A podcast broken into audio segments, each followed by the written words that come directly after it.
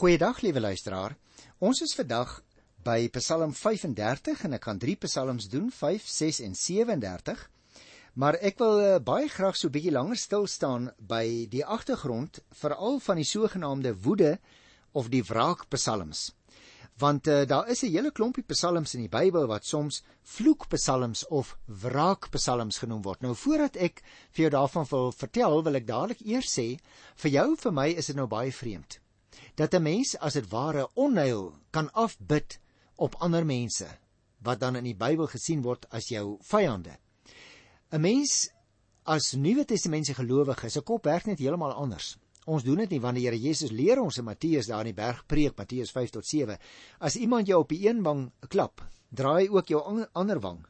So dit is vir ons vreemd, maar nou wil ek dadelik sê onthou die kulturele konteks waarbinne hierdie liedere gesing is en gedig is en dat die beelde wat gebruik word ook nie altyd noodwendig letterlik verstaan hoef te word nie want dit is poëtiese materiaal. Nou Psalm 35 is 'n voorbeeld van so 'n vloek of 'n wraak psalm. Kom ek vertel jou iets daarvan en dan kan ons miskien na die psalm kyk. Uh, maar laat ek nou En dit sal miskien nou verhelderend wees as ek net aanhalings lees eers uit Psalm 35. Dit gaan nou hier oor die vyande, dit kan nou teenstanders wees. Uh siekte kan ook gesien word as vyande. Ek het al meer daaroor gesels, maar kom ek lees net voorbeelde. Kyk by vers 8 byvoorbeeld. Laat hulle einde skielik kom. Laat hulle in hulle eie struik beland. Laat hulle self in die gat val wat hulle begrawe het. Ek het jou gesê dit is goed wat nou nie vir ons altyd so lekker op die oor val nie. Kyk byvoorbeeld na vers 26. Laat almal wat bly is oor my ellende teleurgestel word in hulle verwagting en self ook in die ellende beland. Laat oor hulle wat op my neersien skande en smaad kom.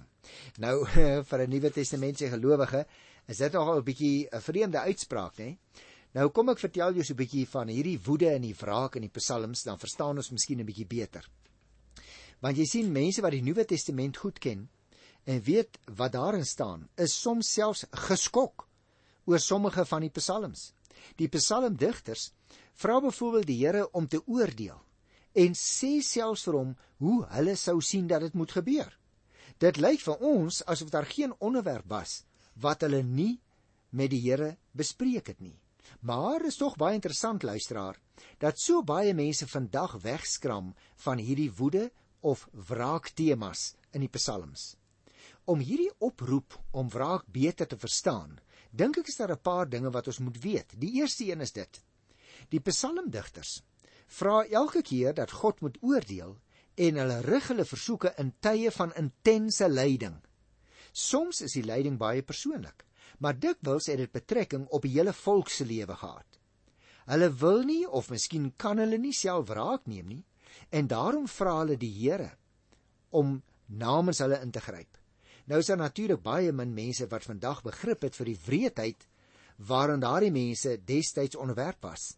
En daarom is dit ook vir ons moeilik om hulle uitbarstings wil ek amper vir jou sê te verstaan. 'n Tweede aspek dink ek is belangrik.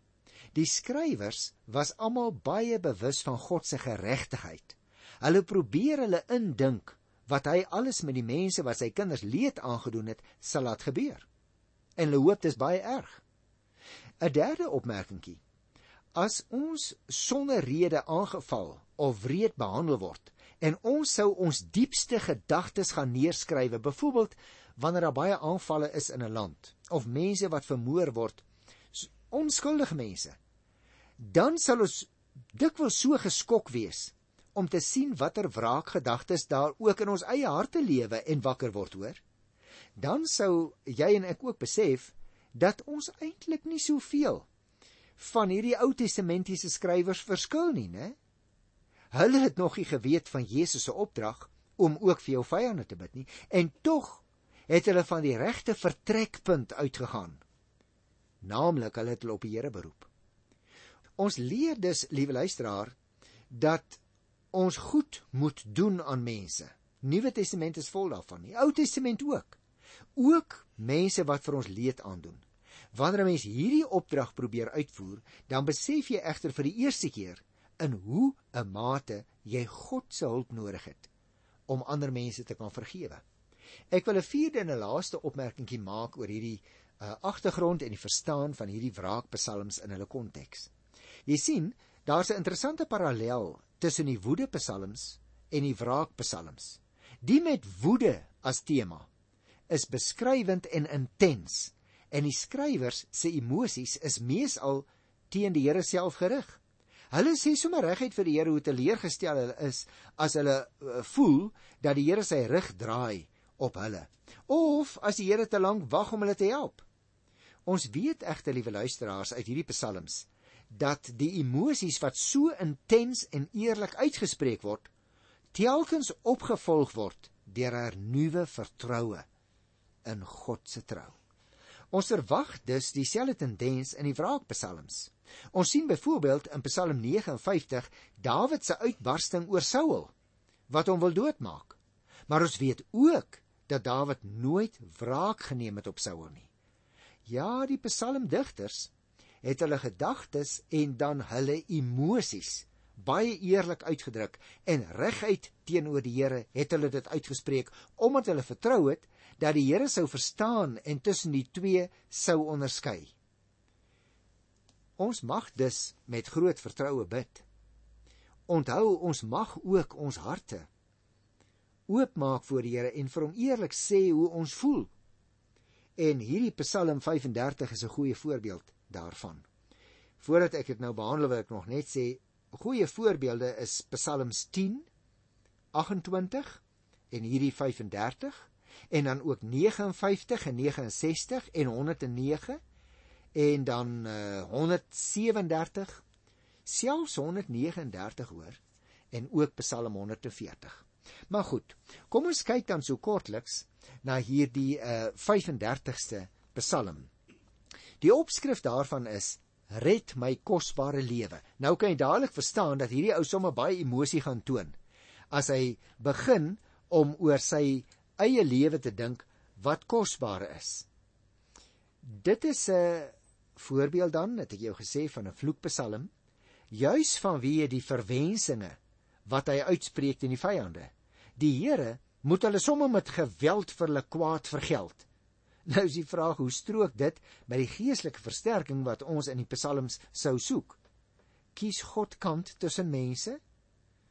Luisteraars, Ons moet krities oor hierdie probleem bly nadink en Christus se liefdesgebod streng nakom. Want onthou die liefde en die genade van die Here is baie wyer as sy oordeel. Ons kry dit juis in die 10 gebooie. Ek uh, besoek die sondes aan die 3de en aan die 4de geslag, maar ek betoon my genade in 'n duisend geslagte waarmee alreeds in die 10 gebooie vir ons geleer word dat die Here nie soek om mense te veroordeel nie, maar die Here soek daarna om liefde aan mense te bewys.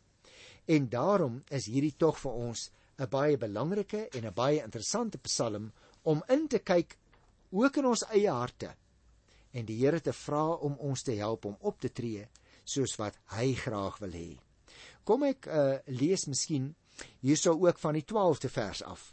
Dan kry ons dieselfde gedagtes, maar bietjie so in 'n ander trant. Hy sê: En nou praat hy oor die goddeloses. Hy sê: "Hulle vergeld my kwaad vir goed. Hulle gebruik elke geleentheid om my by te kom en tog, toe hulle siek was, het ek getreur soos oor 'n sterfgeval. Rou klere aangetrek en myself gekastei deur nie te eet nie. Jy sien, hierdie man sê: "Here, maar daar was 'n tyd dat ek uh, getreur het toe hierdie mense siek was. So dit is nie dat sy hart vol wraak is nie. Dit is 'n opwelling van emosie wat skielik na vore kom. Dit is nie in sy aard nie. En ek dink daardie soort van emosie het jy en ek ook al ervaar nie waar nie.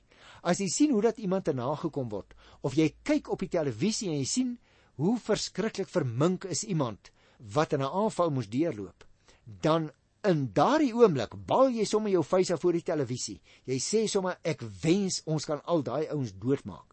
En dis dieselfde soort van gevoel. Maar as jy daaroor nagedink het, dan besef jy dit is nie jou en my taak om wraak uit te oefen nie. Dan kom ons maar weer telkens na die Here toe terug. Bely ook die sondige aard en sondige begeertes en vra dat hy ons sal help. Kyk dus na die slot van hierdie Psalm van vers 27 af. Maar die wat wil hê ek moet vrygespreek word, laat hulle juig en bly wees. Laat hulle altyd weer sê, die Here is groot. Hy sorg dat sy dienaar vrede het. My tong sal nie stil word oor u trou nie, Here. Dag vir dag sal ek u loof. So jy sien luisteraar, hierdie man was nie in Afrikaanse sê, hierdie man was nie van huis uit iemand wat graag oordeel oor ander wou sien nie. Maar in sy emosionele opwelling kom hierdie dinge wel na vore. Dit bring ons dan by Psalm 36. Jy kyk daar na die opskrif in die Bybel en sal jy sien vir die koorleier van Dawid, die dienaar van die Here. En die opskrif daarvan is: Hoe kosbaar is u trou, o God. Nou liewe luisteraar, gewoonlik deel jy en ek mos mense in in twee kategorieë: goddelose of vromes en ongelowiges of gelowiges. Natuurlik sien 'n mens jouself uh, gewoonlik in die tweede groep. Nou van die digter van Psalm 36 of miskien moet ek sê van die tyd waarna hy sy lied geskryf het of selfs by watter geleentheid die lied presies gesing is, dit weet ons eintlik niks. Ek het reg by die begin toe ek die inleiding tot die psalms mee behandel het, gesê daar is sommige wat soms sês genoem word in 'n kategorie van die weeskinders. Met ander woorde, hulle kan nie regtig geplaas word nie. En hier het ons nou so 'n voorbeeld. Nietemin Die psalmis in hierdie 36ste lied beskryf eers vir ons hoe die goddelose mens is en dan sing hy verder 'n loflied op die goedheid van die Here. Die gelowige self moet jy oplet word nie besing nie.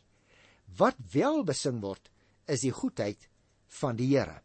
So luisteraars, kom ons begin hier by die eerste 5 versies. In die hart van die goddelose het die opstand teen God die laaste woord.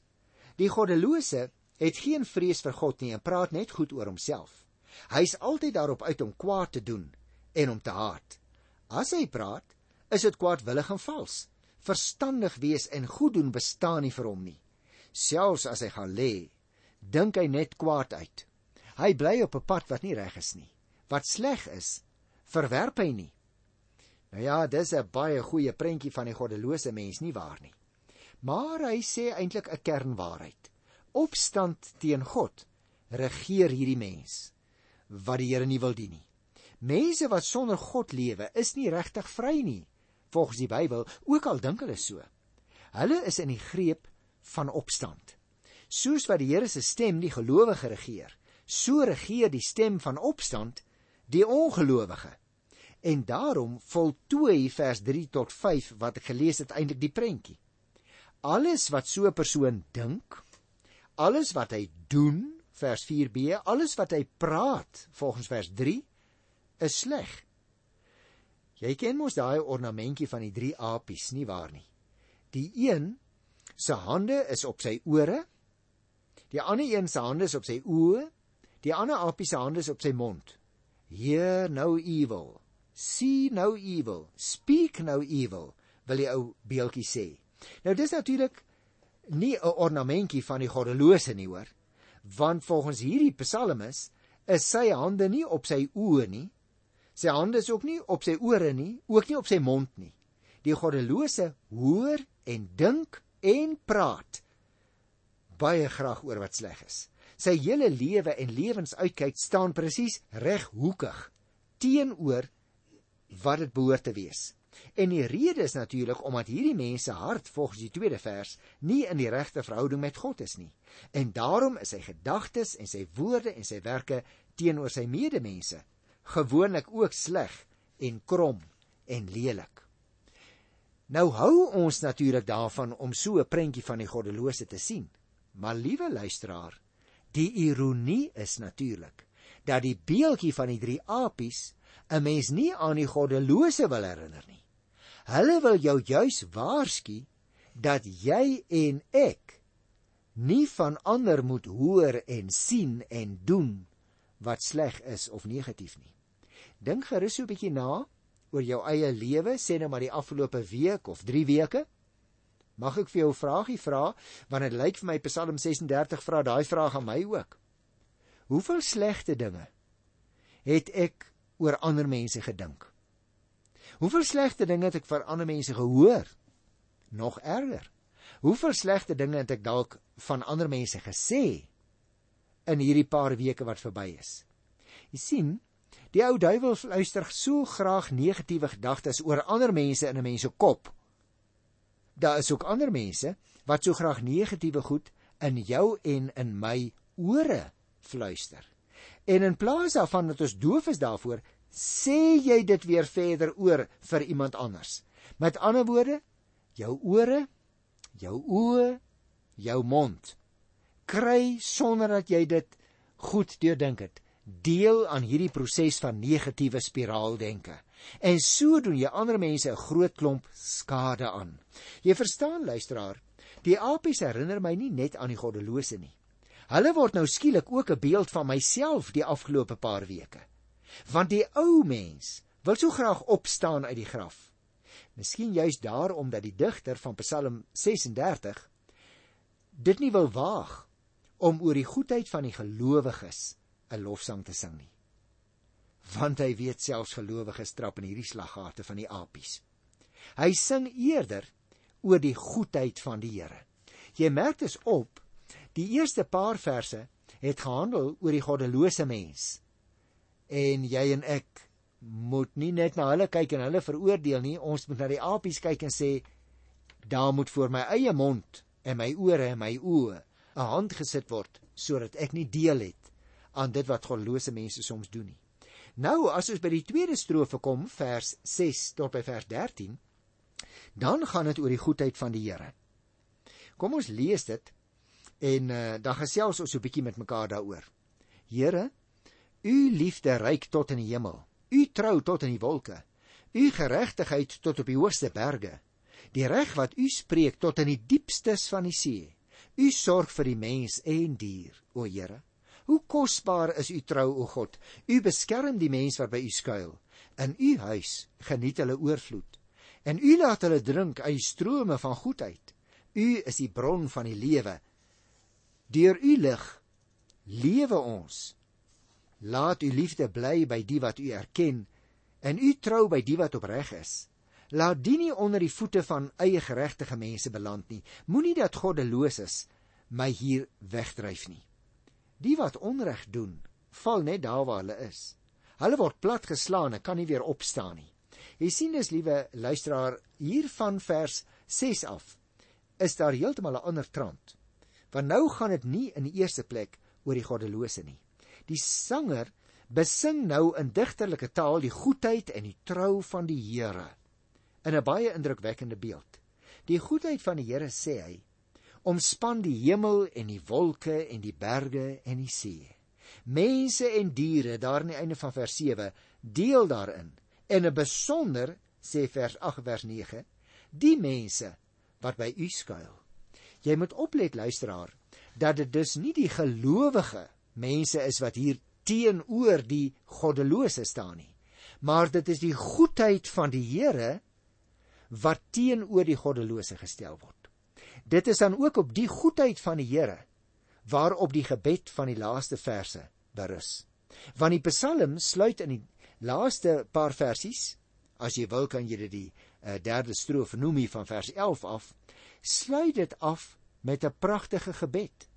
En daardie gebed kan 'n mens ook eintlik in drie afdelings indeel want dit is 'n afdeling wat God raak, dan is daar 'n afdelingkie wat die digter raak en 'n afdelingkie wat die goddelose raak. Kom ek lees vers 11. Laat u liefde bly by die wat u erken en u trou by die wat opreg is. Jy sien, liewe luisteraars, dit is immers die liefde en die trou van die Here wat die opregtes kan laat bestaan teenoor die goddeloosheid in die hart van vers staan die opregtheid van die hart in vers 11. Met so iemand bly die liefde en die trou van die Here elke dag. Die tweede deel van die gebed raak dan die digter in vers 12. Kom ek lees dit weer. Laat my nie onder die voete van die eie geregtige mense beland nie. Moenie dat goddeloses my hier wegdryf nie. Jy sien hy vra nie vir materiële of aardse besittings nie. Hy vra beskerming daarteen dat mense hulle voete op sy nek laat sit. Iemand wat in die regte verhouding met die Here lewe luisteraar, mag ook beskerming teen mense by die Here soek. En dan ten slotte in sy gebed te vers 13 raak dit die goddeloses. Luister. Die wat altyd onreg doen, val net daar waar hulle is. Hulle word platgeslaan en hulle kan nie weer opstaan nie. Nou dit bring ons dan by Psalm 37 en daarmee wil ek afsluit as jy in die Bybel kyk sal jy sien Psalm 37 is eintlik 'n heel lang Psalm, maar ek wil net die hooftrekke daarin so bietjie met jou bespreek want dit is 'n baie interessante Psalm. Elke een is baie interessant, liewe luisteraars. Maar nou ja, ons kan natuurlik nie al die psalms in detail behandel nie. Psalm 37 se tema: Laat jou lewe aan die Here oor. En ek dink wat hierin na vore kom is twee lewenshoudings is moontlik. Die van die gelowiges en die van die goddeloses. Maar God beslis uiteindelik oor die uiteinde van jou lewe. Nou dit is dan ook die rede hoekom ek hierdie Psalm nie in detail gaan bespreek nie, want ons het 'n baie goeie voorbeeld en dit het ek in detail behandel by Psalm 1. Waar daar net twee lewenspaaie is, sal jy onthou wat ek vir jou gesê. Van die mense wat die Here dien, hulle is die opregtes, noem die Bybel hulle, en die wat hom nie dien nie, hulle is die goddeloses. En ek het ook vir jou gesê Psalm 1 was 'n wysheidspsalm En daarom Psalm 37 is ook 'n goeie voorbeeld, net soos Psalm 1 van 'n wysheidspsalm. So ek gaan dit net in breë trekke so bietjie met jou bespreek. Luister na vers 1 tot by vers 4. Moet jou nie ontstel oor skelms en jou kwel oor skurke nie, want soos gras vergaan hulle gou en soos groenigheid verdwyn hulle sommer. Vertrou liewer op die Here en doen wat goed is. Woon en werk rustig voort. Vind jou vreugde in die Here en hy sal jou gee wat jou hart begeer. Jy sien dus, liewe luisteraar, reg in die eerste 4 verse word die twee groepe mense van Psalm 1 ook weer geteken. Mense wat die Here dien en die wat hom nie dien nie. Kyk byvoorbeeld nou na die goddelose hier van vers 12 tot by vers 15. Die goddelose soek die ondergang van die regverdige en bedryf sy lewe. Die Here lag vir die goddeloses, want hy sien hulle dag kom. Die goddeloses trek die swaard en span die boog om die hulpelose en die arme dood te maak, om die wat die regte pad loop te vermoor. Die goddeloses se swaard sal hulle eie harte tref en hulle boë sal stukkend gebreek word. Met ander woorde, die goddelose bedreig soms die regverdige. En hierdie saak is in die hand van die Here. As jy vers 13 lees, dan sal jy dit sien. Hy besluit uiteindelik. Die goddelose sal omkom volgens vers 14 en 15 deur sy eie strikke en wapens. Tot aan die einde van die Psalm word daar verskillende en belangrike goed daaroor gesê. Jy kan dit daar gaan lees want uh, sommige dinge word herhaal. Maar nou mag jy vra broer Johan, nou wat is in die betekenis van hierdie 37ste Psalm so in breë trekke, dan sou ek wou sê. In Psalm 37 vermaan die digter ons as gelowiges om rustig ons werk te doen in vertroue op die Here, want sê hy, die Here sorg vir die wat hulle lewens aan hom oorlaat. Dit baat ons niks om kwaad te word of ons te ontstel oor die voorspoed van die goddelose nie. Ons moet positief bly optree, vers 27. Ons moet volgens die wil van die Here lewe, vers 34 en die voorbeeld van die opregtes volg want hulle het 'n toekoms vers 37 daarteenoor liewe luisteraar sê die digter die goddeloses is sonder toekoms want die Here lag vir hulle die Here sien die dag al aankom waarop hy met hulle gaan afreken die Here sien as dit ware die dag kom waarop hy hulle gaan straf die mag waarop hulle staat maak sal in hulle eie hande verkrummel Hulle is nie slegs sonder die Here nie, maar soms selfs sonder die Here. En daarom lyk dit vir my, het jy en ek as Christus gelowige mense ook 'n verantwoordelikheid om vir sulke mense te bid. Mag ek jou 'n eenvoudige vraag vra want dit word ook vir my gevra hier tussen die reëls van hierdie gedeelte. Bid ek genoeg vir goddelose mense? Ryk ek na hulle uit? Wys ek hulle met my lewe en met my woorde en met my dade wie Jesus Christus is want hy het vir goddeloses gekom hoor Tot volgende keer. Totsiens.